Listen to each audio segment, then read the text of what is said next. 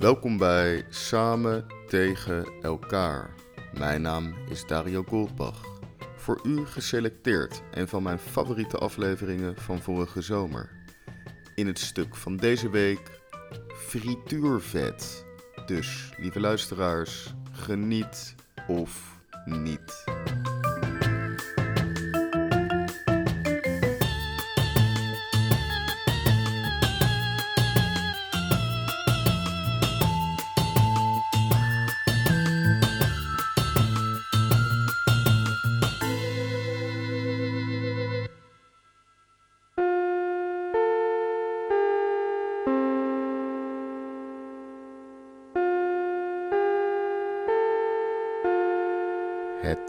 Hoofdprogramma gaat reeds van start.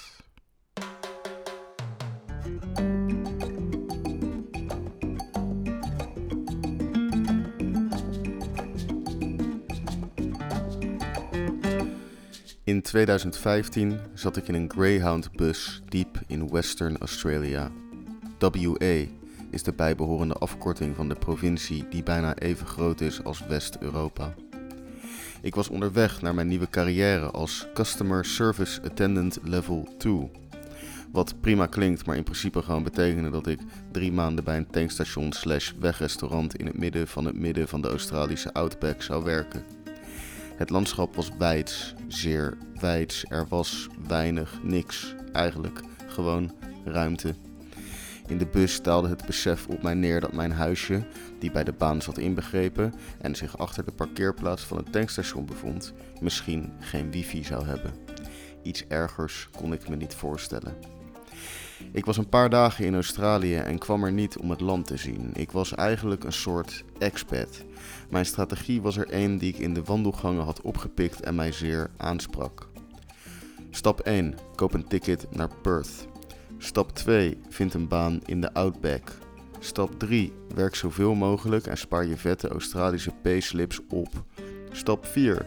Verlaat het peperdure Australië zo snel als je kan en vlieg naar Azië. Stap 5. Drink je geld weg op een aaneenschakeling van goedkope Zuidoost-Aziatische zuipeilanden. Het tankstation lag aan de Albany Highway. Een paar honderd meter verderop lag een BP, onze gezworen vijand. In het huisje achter het tankstation woonde ik met Arnaud, een opgewekte Franse backpacker en tevens de gierigste, of zal ik zeggen zuinigste persoon die ik ooit had ontmoet, en Piet, een 61 jaar oude Australische rouwdouwer die al meer dan 40 jaar werkte voor verschillende vestigingen van de franchise tankstations waar wij deel van uitmaakten. Ook al hadden we op papier dezelfde rang, Customer Service Attendant Level 2, was hij een beetje onze baas, de rechterhand van de echte baas. Elke dag kwam hij thuis van zijn werk en ging tv kijken. River Monsters was zijn favoriete serie. Niks maakte hem blijer dan wanneer twee witte mannen in een klein bootje een gigantisch spartelend beest uit bruin rivierwater wisten te vissen. Op mijn vraag of er wifi was, werd ik uitgelachen. Het is grappig hoeveel er kan gebeuren op een plek waar zo weinig is. Ik zal nooit vergeten dat de baas, een fors gebouwde vrouw met een diep Australisch accent, zichtbaar opgewonden de zaak binnenliep, haar handen over elkaar wrijvend gelijk elke evil villain uit elke film die je kan bedenken. Out of diesel, gniffelde ze. Is Arnaud around? We're gonna need all the manpower we can get. Het was inderdaad een gekkenhuis. Al snel stond er een rij vrachtwagens zigzaggend over de parkeerplaats. Ze hebben elk twee tanks, die vrachtwagens, die ze tegelijk vullen. Op mijn scherm bij de balie kon ik de liters zien lopen. Twee keer 800 dollar aan diesel per truck. Ze kregen gratis koffie. Dat is een Australische traditie. Vrachtwagenchauffeurs en agenten betalen niet voor koffie. Mooi. Hadden ze me trouwens best mogen vertellen. De eerste koffie die ik afrekende werd me niet in dank afgenomen. Ik had hem beledigd. Een paar beledigde koffiedrinkende truckers later werd ik ingelicht door Piet. Hij vond het heel grappig dat ik iedereen had laten betalen. De vrachtwagens daar hebben soms wel vier containers achter elkaar hangen. Ze kunnen meer dan 50 meter lang zijn en meer dan 80 wielen hebben. Ja, 80. Road trains heten ze. De vrachtwagenchauffeurs zijn vriendelijk. We hebben een douche voor ze die veelvuldig wordt gebruikt. Wat ze er doen wil ik niet weten, maar elke ochtend is die fucking goor. Ik mag hem schoonmaken. Het is niet mijn favoriete deel van de dag. Aan de andere kant betekent shower duty dat je de vroege shift hebt en al om twee uur s middags klaar bent. Het tankstation was 24-7 open, dat moest wel. De hele nacht kwamen truckers tanken en vreten. We verkochten de goorste burgers die ik ooit had gezien. Ze werden van tevoren gebakken, daarna verwarmd en als laatste sla en tomaat toegevoegd. Hamburgers, steakburgers en The Lot. Een burger met ei en spek erop, ook dagen van tevoren gebakken. Alles kwam uit een grote koelcel. De burgers mochten daar drie dagen liggen voordat we ze moesten weggooien. Arnaud leerde mij dat we die konden stelen om thuis op te eten. Je gooide ze dan op de grill tot het meeste vet eruit was gelopen en zette ze dan op onze eigen broodjes. Soms stalen we een blaadje sla en een tomaat.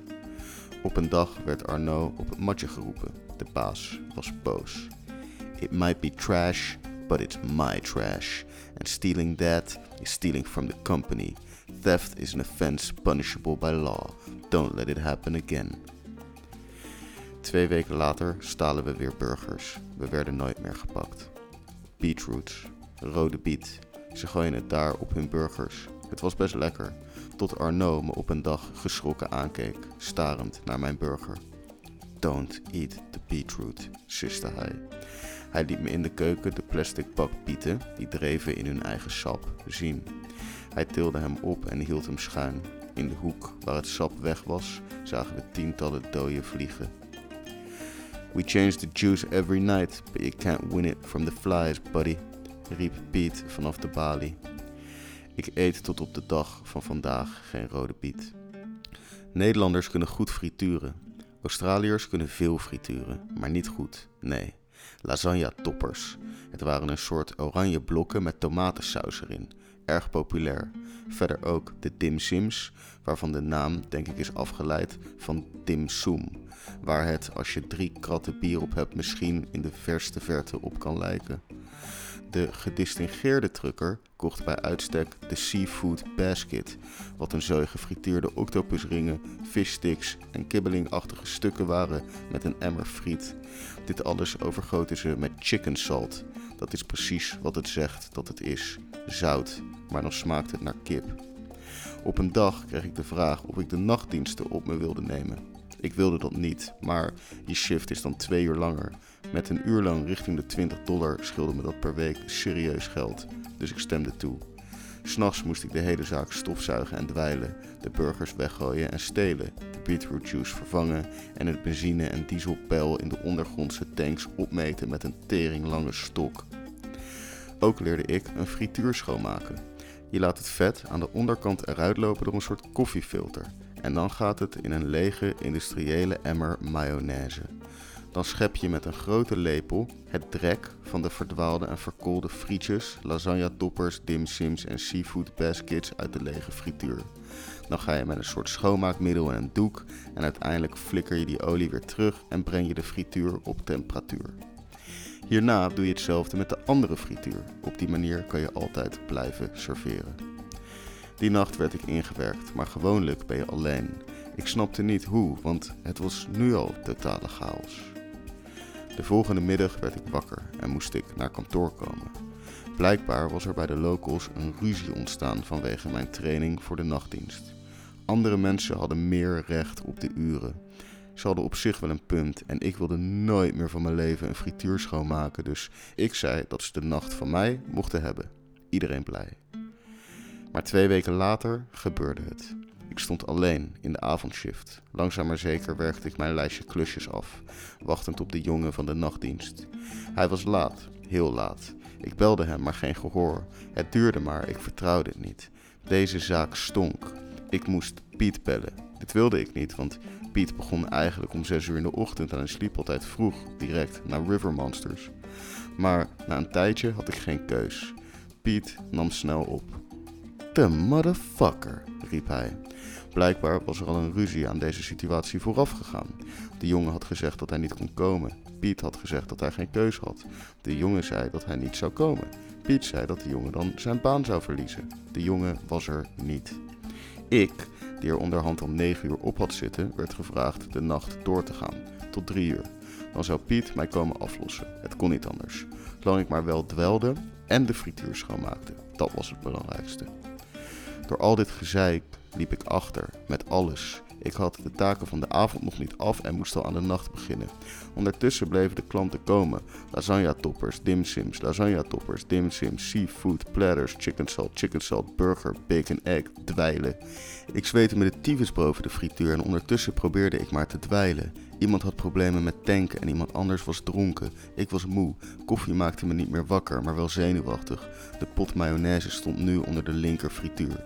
Ik snel wandelde de keuken uit om iemands tank af te rekenen. Ze moest opeens ook drankjes. Ik liep terug naar de frituur. Het ging prima. Ik liep terug naar voren. Ze wou pinnen. Verkeerde pas. Goeie pas. Fijne dag. Ze is weg. Opeens hoor ik een geluid. Tak! Ik had nog nooit zo'n geluid gehoord. Ik rende de keuken in en zag het ergste beeld wat ik ooit in mijn leven had gezien. In mijn paniek had ik niet lang genoeg gewacht voordat ik de frituur in de pot mayo liet lopen. Wat ik bedoel te zeggen is dat ik gloeiend heet frituurvet in een plastic emmer mayo had laten lopen. Deze was, op zijn beurt, gesmolten. En op dat moment liep een tsunami aan frituurvet door de keuken. Als een soort lava baande het zich een weg onder de werktafels en koelkasten, onder de kartonnen dozen voor plastic bestek, onder de vaatwassers en ovens. Ik was 100% de pineut. De paniek maakte zich volledig van mijn meester. Ik pakte een grote rol keukenpapier, wat ik over de grond begon te rollen. Dit haalde precies niks uit. Nu was er ook overal zompig keukenpapier. Het werd met de seconde erger. Hello? hoorde ik. Iemand wilde dimsims. No food, zei ik terug in de winkel in een poging casual te zijn, terwijl de keuken langzaam maar zeker in een grote frituurpan veranderde. De klant was geïrriteerd, maar ook snel weg. Terug in de keuken was de ravage compleet. Het vet was overal. De ruimte van ongeveer 4 bij 5 meter was een en al vet. De geur was onbeschrijfelijk. Moest ik Piet bellen? Nee. Ik kon dit oplossen. Uit de opslag pakte ik oud karton en begon de dozen over de vloer te leggen. Ze zogen het vet op, langzaam. Ondertussen bleven mensen maar tanken. No food, no food. Iedereen boos. Onderhand was ik ook volledig ingesmeerd met frituurvet. Van het zeulen met de restanten van de emmer en de kartonnen dozen die hun werk deden, maar steeds moesten worden vervangen. De klanten moesten wel gedacht hebben: wat is dit voor jongen? Paniek in zijn ogen, zijn uniform donker van zweet, zijn haren half losgekomen van zijn knot, gedoopt in vet. Ik was zelf de dim sim. Verder rook de hele winkel nu zo'n beetje naar frituur. Het werd druk en ik begon langzaam vrede te krijgen met het feit dat ik dit nooit kon opruimen voordat Piet er was. Het was al bijna twee uur. Ik pakte de lepel en schepte de frituur uit. Ik waste mijn handen een kwartier lang, vond een nieuw shirt en herknoopte mijn knot. Ik rekende mensen af en telde mijn kassa. De keuken was afgeschreven. Het zei zo. Wat wil je dan? Ik sta hier godverdomme al 14 uur in mijn eentje. Ik heb maar één keer eerder de nacht gedaan en toen werd ik ingewerkt. En die guy had gewoon moeten komen opdagen. Hij wilde toch zo graag de uren? Als Piet me wil ontslaan, dan doet hij dat maar lekker. Kan mij het schelen. Ik ga wel vroegtijdig naar Azië, joh. Misschien kom ik nooit meer aan een baan in de tankindustrie, maar dat is oké. Piet kwam slaperig binnen. Ik zag hem de schade in zich opnemen. Piet, I fucked up, zei ik. Hij keek me aan en zei niks. Langzaam schokte hij over de zompige kartonnen dozen die nog steeds door de hele keuken lagen. Hij maakte de grootste kop koffie die ik ooit had gezien. In stilte dronk hij deze. Ik durfde niks meer te zeggen. Tien minuten later kwam hij aan de balie. Grab a beer, get some sleep. I can help clean, zei ik schuldbewust. Grab a beer, get some sleep. You sure? Sure. En zo vertrok ik en pakte uit onze gedeelde koelkast bij het huis een biertje. Ik rook nog steeds naar frituur, maar was zo blij dat ik die hel van een shift achter de rug had. De volgende dag ging ik naar de zaak, bang, maar Piet stond opgewekt klanten te serveren. How you going? riep hij. Better than last night, was mijn antwoord. De keuken zag eruit alsof er niks gebeurd was. Spik, span, glinsterend. How did you do it? vroeg ik. Buddy, I've seen it all. Ik verloor mijn baan niet. De andere jongen trouwens ook niet. Ze lieten me niet meer te dicht bij de frituur komen, dus niemand kon hem vervangen. Piet en ik waren vanaf die dag vrienden. Soms vraag ik me af hoe het met hem gaat en of hij nog steeds River Monsters kijkt. Of hij nog bij het tankstation werkt of onderhand al met pensioen is. En of hij zich die nacht nog herinnert of dat het voor hem enkel een van de vele wilde nachten was in zijn 40-jarige carrière als Customer Service Attendant Level 2. In ieder geval proost ik op je Piet. Dank je wel maatje, River Monster van me. Dim Sim slinger, lasagne topper die je bent. Je bent mijn ijzersterke rots in de branding van frituurvet.